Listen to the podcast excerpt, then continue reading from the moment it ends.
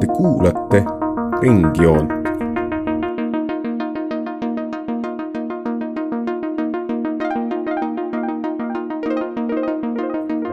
joon ringis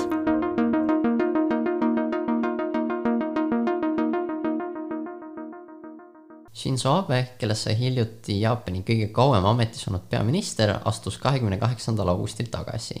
Sellest on ajendatud ka tänane ringjoon. arutamise alla tuleb Abe ametiaega iseloomustavad tunnused, tema head ja vead. lisaks äh, räägime ka, keda võiks näha järgmise peaministrina kuni kahekümne, kahekümne esimese aasta valimisteni. lõpetuseks arutame ka veidi üldist poliitkultuurist ning suurematest probleemidest, mis Jaapani ühiskonda vaevavad tänasteks saatekülalisteks olen siis mina, Olle, RSR-i liige. külaline on Ene, Jaapani ajaloo õppejõud. Tere! ja puldis on ka Eli. enne isegi, kui hakata rääkima Aabest, siis tuleks ära mainida, et ta on Nobusuke Kishi lapselaps. ehk siis ähm, siin tuleks juba ära märkida, et sedasorti dünastiad, poliitilised, mis Jaapanis on, ei ole sugugi ebatavalised ja kipuvad olema hoopis normiks, et Aabe sellisena on kolmanda põlvkonna poliitik. Nobusuke Kishi ise on märkimisväärne nimi, kuna ta oli ise Hideki Tousho valitsuses ning hiljem sai temast tuhande üheksasaja viiekümne seitsmendal aastal Jaapani peaminister. et selgituseks, Tousho ise oli Jaapani kindral ning peaminister, kes viis Jaapani teise maailmasõtta ning kelle valitsust võib pidada kõige äärmuslikumaks moodsas ajaloos. ta mõisteti Kaug-Ida rahvusvahelise sõjatribunali poolt süüdi mitmetes kuritegudes nagu agressiivsete sõdade kuulutamine ja sõjavangide ebainimliku kohtlemise põhjustamises. Ollele täienduseks võib öelda seda, et äh, tõepoolest Jaapani poliitkultuuris on levinud poliitikute dünastiad ja Shinzo Abe ei ole siin sugugi erandiks. näiteks võib meenutada tema eelkäijat, väga populaarset peaministrit Junichiro Koizumit, kes on samamoodi kolmandat põlve poliitik ja kelle enda pojas nähtakse tõusvat tähte Jaapani poliitikataevas ja kes ise on praegu siis äh, Jaapanis keskkonnaminister. tagasi pöördudes Nobusuke Kishi juurde, siis hoolimata sellest, et ta oli Tousho valitsuses, ta pääses sellest äh, ühegi karistuseta ning äh, pärast seda siis tõesti sai Ameerika, pärast Ameerika okupatsiooni peaministriks ning ta suutis läbi poliitiliste vangerduste luua Ameerikaga palju paremad liitlassuhted, kui seda oleks võinud eeldada tol ajal. Nobusuke Kishi ise oli ka liberaaldemokraatliku partei esimees ja sellest parteist tulekski pikemalt rääkida, sellepärast et see on Jaapani poliitikat äh, domineerinud alates siis okupatsiooni lõpust. jah, et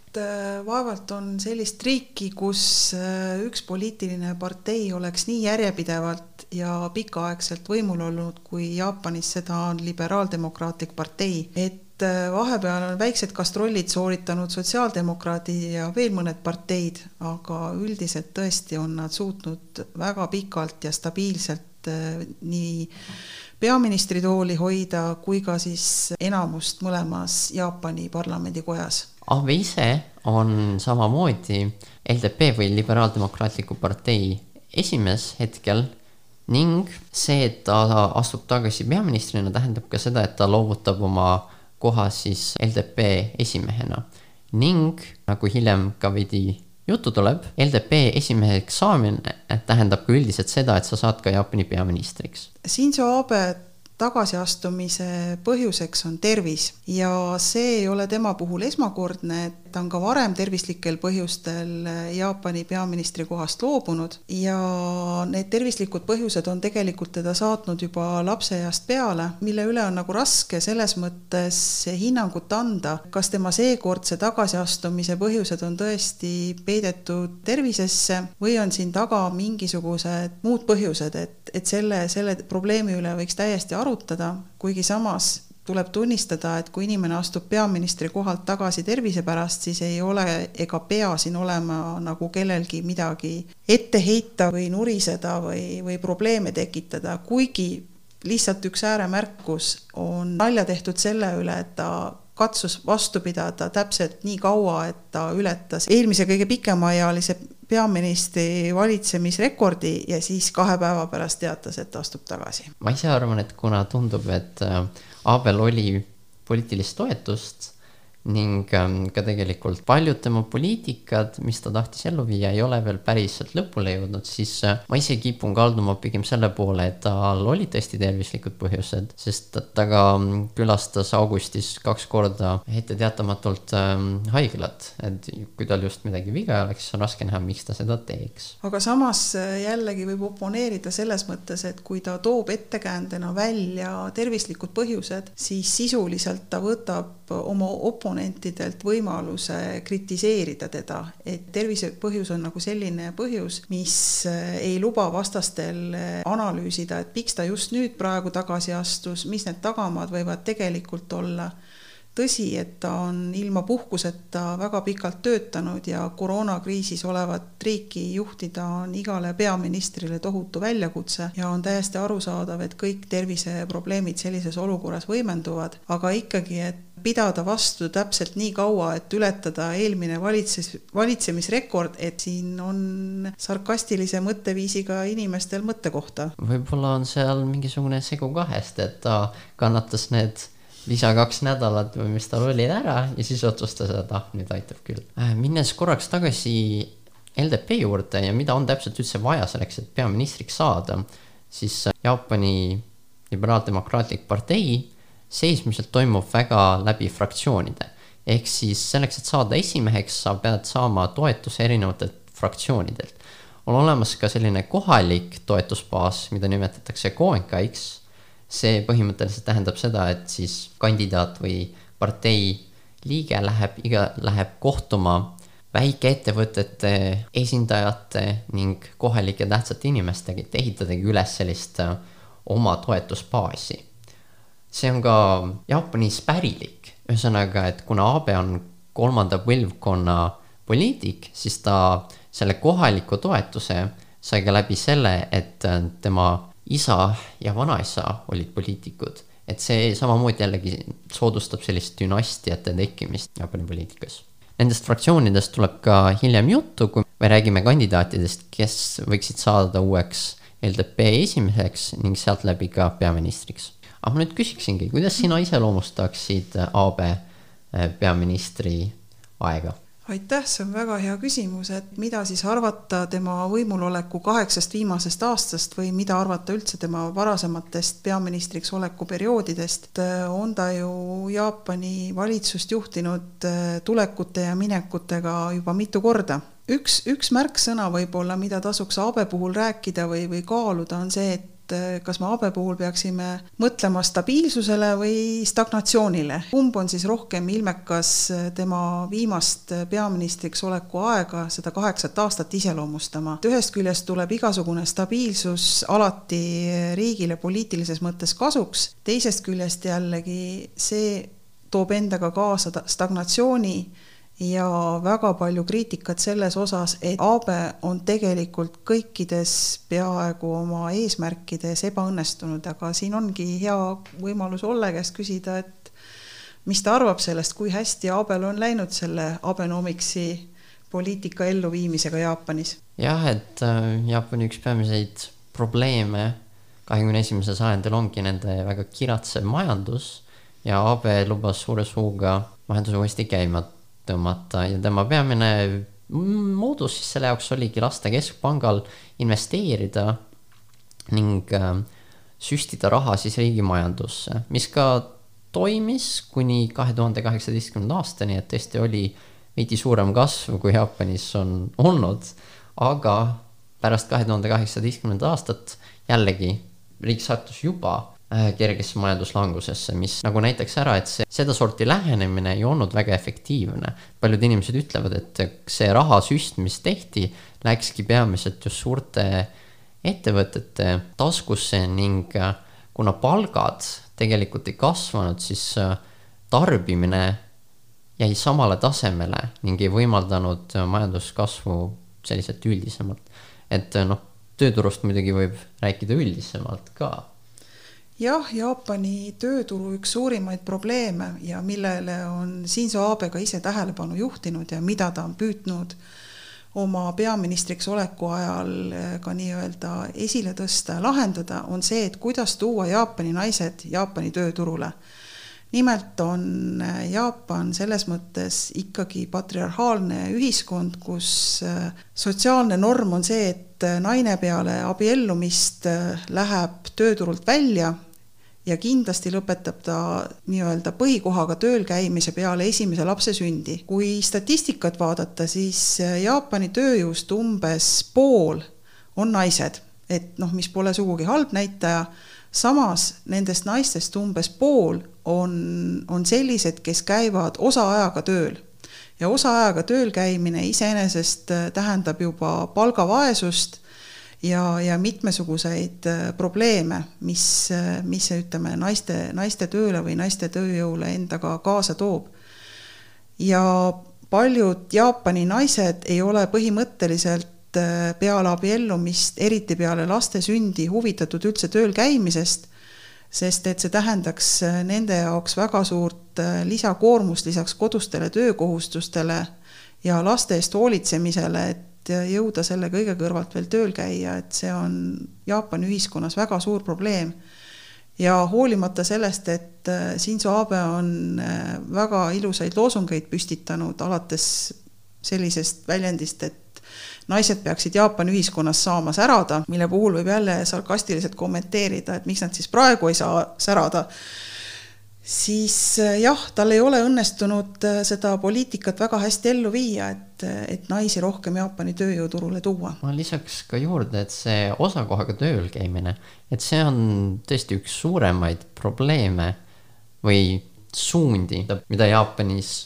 võib tähendada. paljud noored just eriti tunnevad, et kuna neil ei ole võimalik leida täiskohaga tööd, siis nad ei saagi olla kindlad täpselt mis järgmine kuu juhtub, et nad ongi selle osakoha töö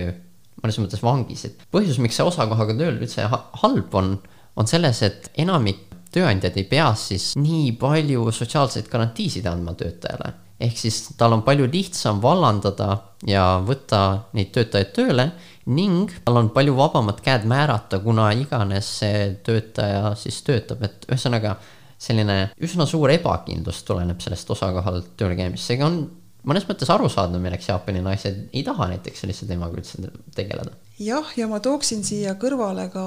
probleemid tööjõuga põllumajandussektoris. et nii üllatav, kui see ka ei ole, siis Jaapan ei suuda ennast ise ära toita ja ta on sunnitud väga paljusid olulisi toiduaineid eksportima ja üks põhjus, miks, miks Jaapan ei suuda ennast ära toita, on see, et põllumajandussektoris töötav elanikkond üha vananeb, millega muidugi ka nende arv võib-olla väheneb ja nende tööjõudlus ei ole nii hea kui noorematel inimestel. Ja, ja siit ongi näha, et üks probleem ka, mida võib-olla Jaapani valitsus ei ole suutnud lahendada, on see, et kuidas tuua põllumajandussektorisse rohkem inimesi tööle, rohkem noori tööle et siin on kasutatud nagu selliseid äh, ajutisi meetmeid nagu immigrantide toomine riiki, aga Jaapani immigratsioonipoliitika on, on väga äh, piiratud, et nad ei ole väga huvitatud üldse välistööjõu riiki sissetoomisest ja käesoleva aasta koroonakriis on neid väljavaateid veelgi ahendanud. jah, näiteks äh, omaenda näitest, et selleks, et saada üldse püsi-, pikemaajalist viisat Jaapanisse, sa peadki olema kutsutud kellegi poolt ehk siis see peab olema kas siis tööandja või ülikool minu puhul ja ilma selle kutseta ei olegi võimalik Jaapanis viibida pikemalt kui noh, mõnest riigist kolmkümmend päeva, mõnest isegi vähem. et juba see näitab ära, kui piiratud tegelikult see immigratsioonipoliitika seal on. ja noh, kõige suurema põntsu sellele on ilmselt pannud äh, Covid-19. ma ei tea, kuidas sina tunned, et Jaapan on hakkama saanud? jah, see on, see on tõesti, see on väga hea küsimus, et sellele küsimusele vastateks peaks kindlasti võrdlema ka seda, e, kuidas teised riigid on, on, on hakkama saanud. tundub, et Jaapanil on läinud siiamaani väga hästi, kui vaadata seda, et kui palju on e, haigestumisjuhtumeid, kardeti palju hullemat pilti ja siin on hästi huvitav, on see, et et see haigusjuhtude väikest arvu on põhjendatud äh, Jaapani rahvusliku iseloomuga või sotsiaalse käitumise normidega. näiteks tehti üks uuring, kus küsiti inimeste käest, kas nad kannavad maski selleks, et ennast kaitsta, kas nad kannavad maski selleks, et teisi kaitsta või äh, kas nad kannavad maski selleks, et kõik kannavad ja õigesti mõtlevad need raadiokuulajad, kes arvavad, et õige on viimane vastus, ehk et maski kantakse sellepärast, et kõik kannavad ja tegemist on sotsiaalse normiga ja sealt võib-olla edasi väga palju ei mõelda. jah, ma ise nägin seda väga hästi, et juba märtsi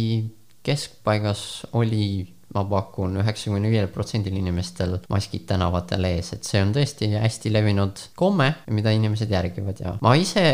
esimene märk viirusest, mida mina nägin, oli isegi juba jaanuari lõpus et ma külastasin ühte sõpra ja siis hommikul proovisin lugeda tema juures ajalehte ja seal räägiti mingisugusest viirusest, mis siis Hiinas levib. et see oli esimene kokkupuude, mis minul oli. aga jah, et kui ma jälgisin neid uudiseid, siis tundus, et väga palju kuulutati sellest tulevat hukku Jaapanis, et äh, tõesti arvati, et nüüd Jaapan Jaapanis hakkab see levima kulutulena ja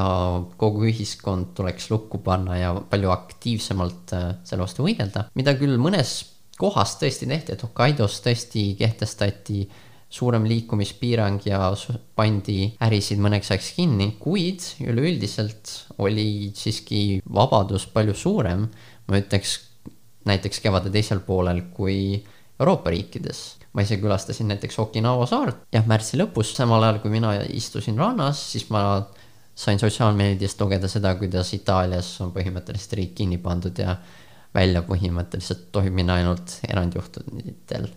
nii et raske siis öelda, kui hästi või halvasti läks jah, täienduseks Ollele, et üks põhjus, miks äh, Jaapan ka hilines reageerimisega viirusele ja miks ta ei rutanud neid meetmeid rakendama samavõrd kiirelt kui teised riigid või kui Euroopa riigid, et üks põhjus on siin kindlasti Tokyo olümpiamängud, mida loodeti ikkagi tänavu aasta juulis ära pidada. Ja selle tõttu on tehtud ka valitsusele palju etteheiteid, et nad varjasid tegelikku statistikat, ei rakendanud äh, sotsiaalse isolatsiooni ja distantseerumise meetodeid piisavalt efektiivselt ja alles siis, kui oli näha, et tõesti olümpiamänge pole võimalik korraldada, et see olukord läheb äh, lihtsalt rahvatervise mõttes niivõrd käest ära, alles siis hakati siis tõele otsa vaatama ja, ja midagi ette võtma. ja siinkohal tasuks mainida ka veel ühte Shinzo Abe poliitikat, mille osas ta sattus rahva naerualuseks. nimelt äh, ühel hetkel äh, võttis peaminister ette sellise nõu, et kõikidele perekondadele tuleb saata kaks maski, mis põhjustas äh, väga selliseid eufoorilisi lainekesi sotsiaalmeedias, küsimustega, et mis siis, kui peres on rohkem kui kaks inimest, et kas me siis jagame neid kahte maski või tekkisid sellised pilapildid, kus äh, tervel perekonnal, isal, emal, lapsel, vanaisal ja ka koeral on üks ja seesama mask ees, venitatud siis niimoodi paelad kõikide kõrvade tagant välja, et kui te meenutate seda laste pildiraamatut Naeri tõmbamisest, siis umbes samasugune, samasugune visuaal. ehk et nende maskide jagamine tundus alguses tohutult populistlik võte kuidas äh, rahva seas populaarsust võita, aga tegelikult ta kukkus sellega haledalt läbi, sest et üks asi oli see, et neid maske, mida rahvale siis tasuta jagati posti teel, oli väga vähe ja teiseks nende kvaliteet oli väga halb, et inimesed kurtsid, et maskid, mis neile lõpuks siis postkasti jõudsid, olid määrdunud või putukad olid pakendi sees. jällegi, et äh, üks, üks hea kavatsus, aga ebaõnnestus. ma ise sain isegi kätte ühe paar maski ja sain katsuda neid et need jah, olid sellised äh, riidest, kuigi noh, natukene paksemad, kui mina arvasin, aga siiski, et ega nad äh, seda poes müüdavat päris äh, ei asenda, et noh, jaa. üks ilmselt võib-olla edukam poliitika oli see, et Jaapani valitsus maksis igale elanikule Jaapanis välja. Eesti mõttes siis kuskil tuhat eurot, aga ka sellega oli logistilisi probleeme, et osad prefektuurid said selle summa palju ennem ja paljud hiljem. lisaks selle raha taotlemiseks pidi tihti minema linnavalitsusse, mis tähendas jällegi seda, et inimesed liikusid viiruse ajal väljas, olid koos üsna, osad linnahallid Jaapanis ei ole just kõige paremini renoveeritud ja ohutatud, nii et ka seal võis väga hästi see viirus levida. et jällegi noh, kavatsus oli hea, aga elluviimine natukene logises. ja siinjuures tasuks ka mainida seda, et esialgne valitsuse plaan oli jagada seda saja tuhande jeeni suurust toetust ainult äh, nii-öelda Jaapani kodanikele ja jätta välja välismaalased, et see põhjustas väga suure pahameeletormi nende inimeste hulgas, kes elavad siis alaliste või ajutiste elamislubadega Jaapanis. Ja neid inimesi on Jaapani saja kahekümne kuuest miljonist elanikust umbes kaks miljonit, seega nagu tekitas suurt pahameelt välismaalaste seas, kes Jaapanis elavad, aga õnneks muudeti meelt ja selle rahasumma saavad siis ikkagi kõik, kes Jaapani riigile oma makse maksavad. Äh, veidi teemasid vahetades, siis ma arvan, et rahvusvaheliselt on Abel üsna hästi läinud. et kõige suurem edusamm isegi, ma ütleks, on tema initsiatiiv luua paremaid suhteid India ja Vaikse ookeani riikide vahel, just tema partnerlus Indiaga. eks külastas India peaminister Narendra Modi tema puhkekodu Narusavas, mis asub Fuji äh, mäe jalamil ja oli esimene mitte-jaapanlane, kes seda teeb. Abe ja Mori suhted omavahel on olnud palju-palju soojemad, kui seda võiks äh, eeldada. üheks peamiseks põhjuseks nähakse Hiina veidi dominantsemat rolli piirkonnas ning nii Jaapan kui India pigem ei soovi enda kõrvale väga domineerivat Hiinat ning tundub, et lõpuks on liigutud selle poole, et luua veidi tugevamad liitlassuhted. Ilmselt kõige parem näide sellest oleks um, Acquisition and Cross-Servicing Agreement, mille nad sõlmisid um, just hiljuti, sellel aastal, mis põhimõtteliselt tähendab seda, et Jaapani omakaitsevägi ning India sõjavägi saavad kasutada üksteise sõjaväebaase logistilisteks eesmärkideks. ehk siis näiteks India sõjalaevad ja Jaapani sõjalaevad saavad üksteise sadamates kütust võtta, parandada laevu kahjustustest. Et see on selline üsna otsene samm tugevamate liitlassuhete poole. veel üks selline, võib-olla mitte edulugu, vaid rohkem tore üllatus on see, kui hästi Abe on suutnud hakkama saada Ameerika presidendiga. ehk siis Ameerika president ähm, on mõnes piirkonnas, mida üldiselt peetakse Ameerika väga tugevaks liitlaseks, teinud eksisamme aga Abe on suutnud kuidagi Trumpi egole mängida niimoodi, et isegi kui ta teavitas oma tagasiastumisest, siis Trump soovis talle isegi head jaksu ja tunnustas Abe sõprust. jah, siia võib täienduseks lisada, et Trump äh, selles toetusavalduses mainis ka seda, et Shinzo Abe on kõige parem Jaapani peaminister, keda ta teab, mille peale jälle sotsiaalmeedia iruhambad ütlesid, et vaevalt, et Trump üldse mõnda teist Äh, Jaapani peaministrit teabki, keda läbi ajaloo on Jaapanis olnud ju mitukümmend. kindlasti tuleb äh, Shinzo Abet tunnustada ka selle eest, et ta on püüdnud ka Euroopa Liiduga häid suhteid hoida, just eeskätt äh, kaubanduslepete sõlmimise osas ja samuti on ta püüdnud Venemaaga suhteid parandada kuigi jällegi siinkohal tal ei ole õnnestunud läbi viia ühte väga suurt Jaapani välispoliitilist eesmärki suhetes Venemaaga, mille ühisnimetajaks on äh, Põhjaterritoorium, ehk et siis need neli saart, mis äh, peale teist maailmasõda Jaapani käest ära võeti ja mis siiamaani on Venemaa käes, mis on üheks põhjuseks, miks ei ole Venemaa ja Jaapani vahel siiamaani teist maailmasõja lõpetavat rahulepingut sõlmitud. tunnistada tuleb, et see on probleem Venemaa ja Jaapani vahelistes suhetes samas aga peab märkima, et mingis mõttes Shinzo Abet selles süüdistada on väga ülekohtune, sest et karta on, et mitte ühelgi Jaapani peaministril ei õnnestu mitte kunagi Venemaa käest neid nelja väikest saart tagasi saada, lihtsalt seda, see ei mahu äh, Venemaa välispoliitilisse mõttemaailma. ja ilmselt, kui Venemaaga olid asjad nii hästi või nii halvasti kui alati, siis äh, Lõuna-Koreaga toimus ilmselt suhete kõva halvenemine ning peamiseks põhjuseks on just lohutusnaised. jah, lohutusnaiste probleem on Lõuna-Korea ja Jaapani vahel kahjuks igikestev. see kaart käiakse alati lauale siis, kui on põhjust äh, kahe riigi vahel äh, nii-öelda sõjakirves välja kaevata, et on see siis mingisugune probleem kaubanduskokkulepete sõlmimise osas või mõned muud sellised poliitilised soovid, milles kahe riigi mõtted kokku põrkavad. lohutusnaiste probleem pärineb siis teisest maailmasõjast, kui Jaapani armee kasutas okupeeritud aladel kohalikke naisi sõjaväe bordellides, neid erinevate meetmetega sinna meelitades, kas jõuga ähvardades või, või sundides. siiamaani ei ole siis suudetud jõuda lõplikule kokkuleppele Lõuna-Korea ja Jaapani vahel selles osas, et kas lohutusnaiste ees on piisavalt vabandatud ja kas nende kannatusi teises maailmasõjas on piisavalt rahaliselt kompenseeritud. on väga keeruline ja emotsionaalne probleem ja selge on see, et neist, nende naiste kannatusi ei saa iialgi millegagi korvata, aga samas äh, ühel hetkel võiks äh, sellele ajaloolisele episoodile katsuda kuidagi kahe riigi vahel punkti panna, sest et tõesti see väga koormab kahe riigi vahelisi suhteid. jah, et seda oli isegi näha, kuidas see arenes äh, majanduslikuks mõõduvõtmiseks, et Jaapan takistas paaril Lõuna-Korea elektroonikahiiul äh, teatud kemikaalide importi ja Lõuna-Korea firmad siis vastasid sellega, et nad lihtsalt hakkasid kasutama kas kohapealselt toodetuid kemikaale või siis otsima muudest riikidest sellist võimalust, et aga üks põhjus või üks läbikukkumine mida Abe, mida tõesti võib öelda, on näiteks tema soov militariseerida Jaapanit ning artikkel üheksa muutmine ja see ilmselt tuleneb ka veidi tema sidemetest äh, Nippon Kaigiga. jah, Nippon Kaigi on selline ultra parempoolne ühendus Jaapanis, millesse kuuluvad paljud Jaapani poliitikud, kas siis otseselt või, või vähem otseselt, et paljud püüavad oma liikmesust varjata. Ja sellel ühendusel on mitmesugused eesmärgid, mis on siis äh, seavad esikohale rahvuslikud väärtused, ajalooteemad ja, ja Jaapani riigi kestmise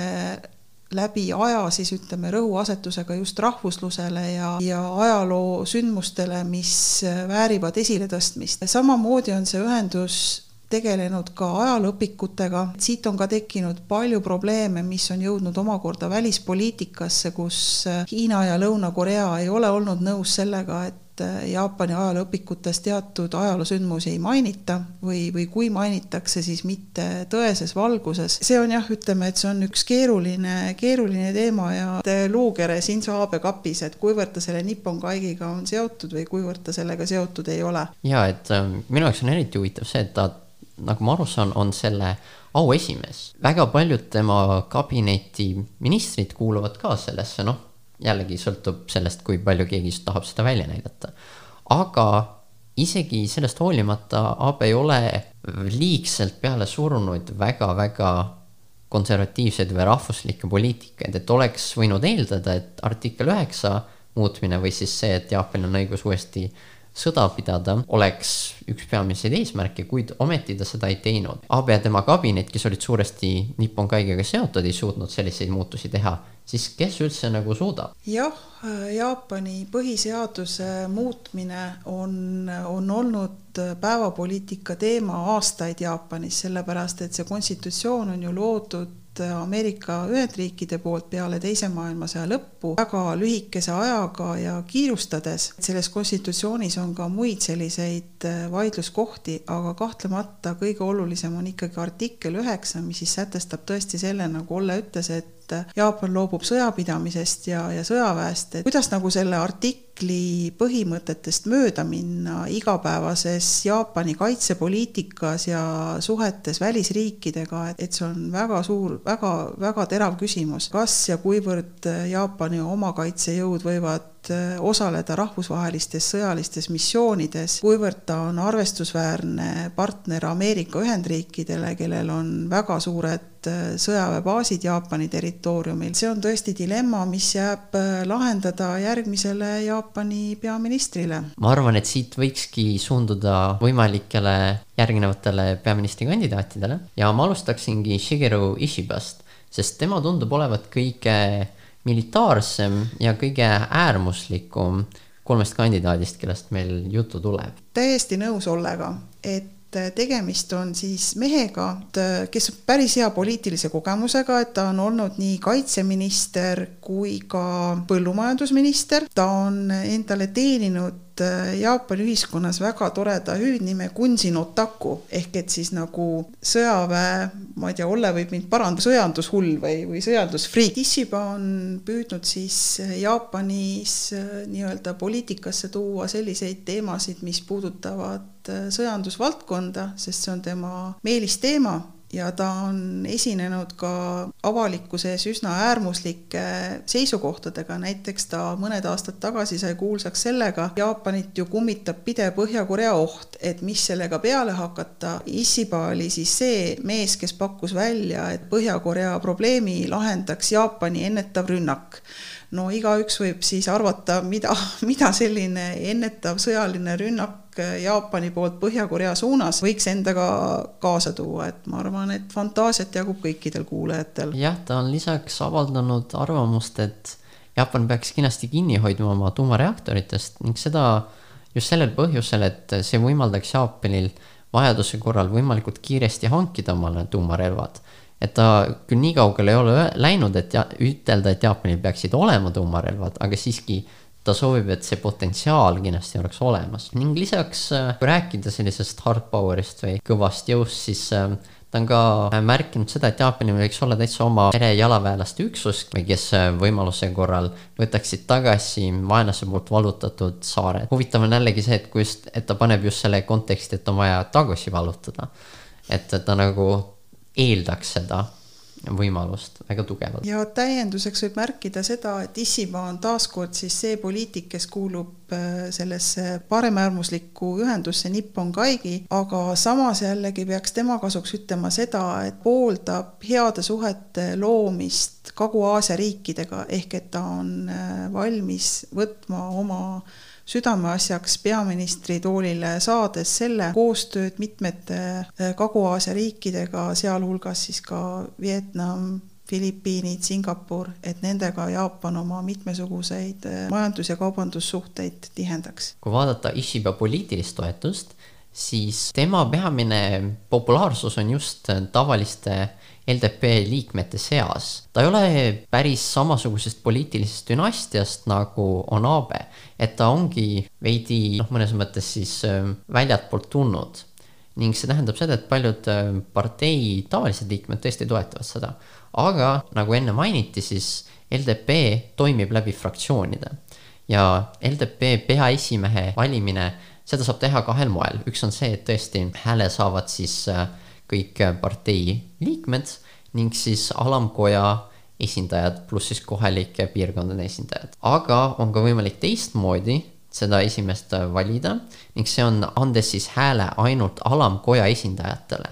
ning siis kohalikele esindajatele. ning kuna just alamkojas kõik esindajad või noh, suuresti kõik esindajad on fraktsioonides, kellel Ishibal on noh, mitte väga suur toetus, siis ongi